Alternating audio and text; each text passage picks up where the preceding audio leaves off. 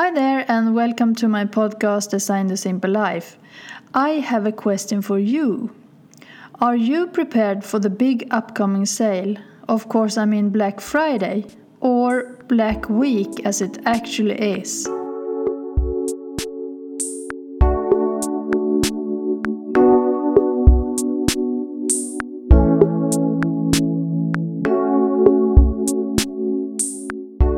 If you are here for the first time, I'm Ylva and I'm here to inspire you into a simple life and lifestyle.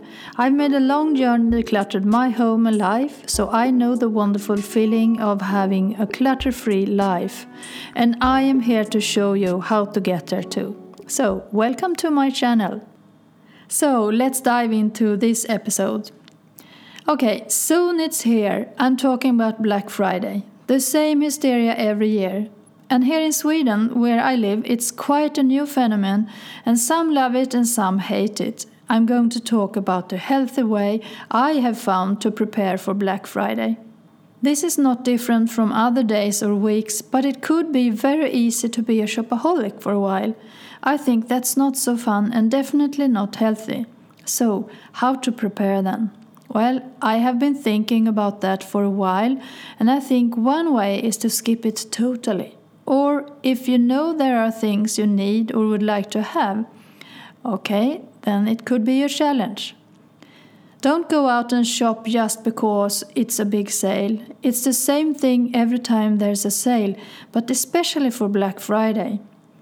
I have had a known interior design boutique and I was also drawn to sell more for Black Friday, but I realized that it wasn't good for anyone.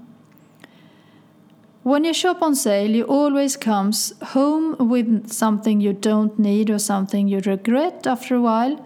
It's so much better to be prepared so you don't fill up your home with unnecessary products that just collect dust. Our mailboxes are full of sales newsletters from stores, and that's how it is to have a company in need to sell. For small businesses, it could be very difficult, especially during this year, and I feel so sad when I think about how many companies that have been forced to close the doors because of the pandemic. We need all companies, big or small. It's not what I mean when I'm talking of not buying on sale, because life would be boring without all lovely companies. I just mean that the more we can prepare, the better for the environment in our homes, our families, the nature, and the whole world. Also, for the big consumption, we have to think about the coming generation. So, how to prepare for a sale? That's what I would like to talk about now. To be fully prepared, the best thing I have found is to have a wish list. A list where you put everything you want and need. If you have a wish list, you will never buy something that you don't need.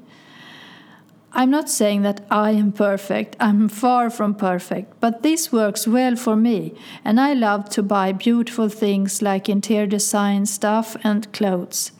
So, this strategy is so good if you love to buy things for your home. When having a wish list, you also know when you can hit the buy button when it's sale, if you're looking for the best price. To be well organized when create a list is to sort all the things you want in categories. Then you know, for example, what you need in your wardrobe or in your kitchen.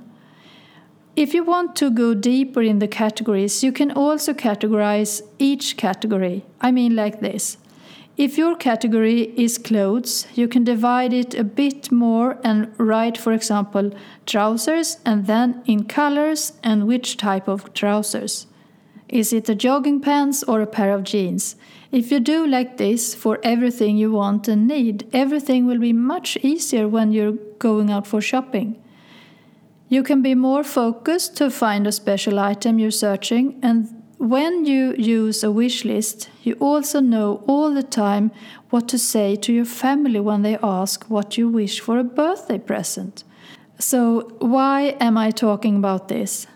It's a simple reason. I would like you to simplify your life so that you can fill your life with more joy and all the things you like to do.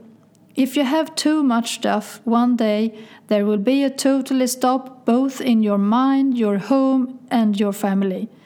No one wants an overwhelmed and cluttered home, right? So, what to do with your wish list you have then?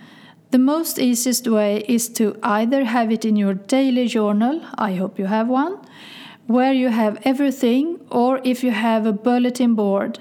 It's a good idea to have all the paper at the same place because then you can easily find them when you need them. I have my wish list in my bullet journal and I'm looking at it very often. Maybe I would like to change, add, or erase something.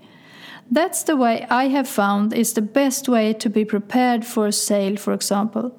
I know if you put something on a wish list and look at it after a few days or weeks, you probably have changed your mind a bit. Maybe you think that's not important anymore, or that you just have found something even better. To find a simple living concern everything you do in your life from the big decisions to the small wish list or to do list. I have made an episode earlier when I was talking about the point of having a to do list, and if you feel attracted to start organize more, go and listen to episode number 10. I have also a free PDF guide to download with a simple to do list to follow every day to stay focused and avoid stress. You will find the link in the description. So now I would really like to know if you are using a wish list and how you use it, how it works for you, and so on.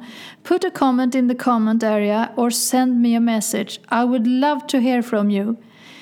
If you haven't yet a wish list, I suggest you to start create one because everything will be so much easier and you will be so prepared for a sale like Black Friday. So go and grab my free to do list right away. You find the link in the description. If you have more questions, please send them to me at info at ylvamariadesign.se or put your question in the comment area. Subscribe to my channel if you like it and please share it with your friends. If you would like to give me a review, I would be so happy. Good luck with your Black Friday planning and remember, less is more. You need less than you think. See you again next week, same place, same day. Have a wonderful week.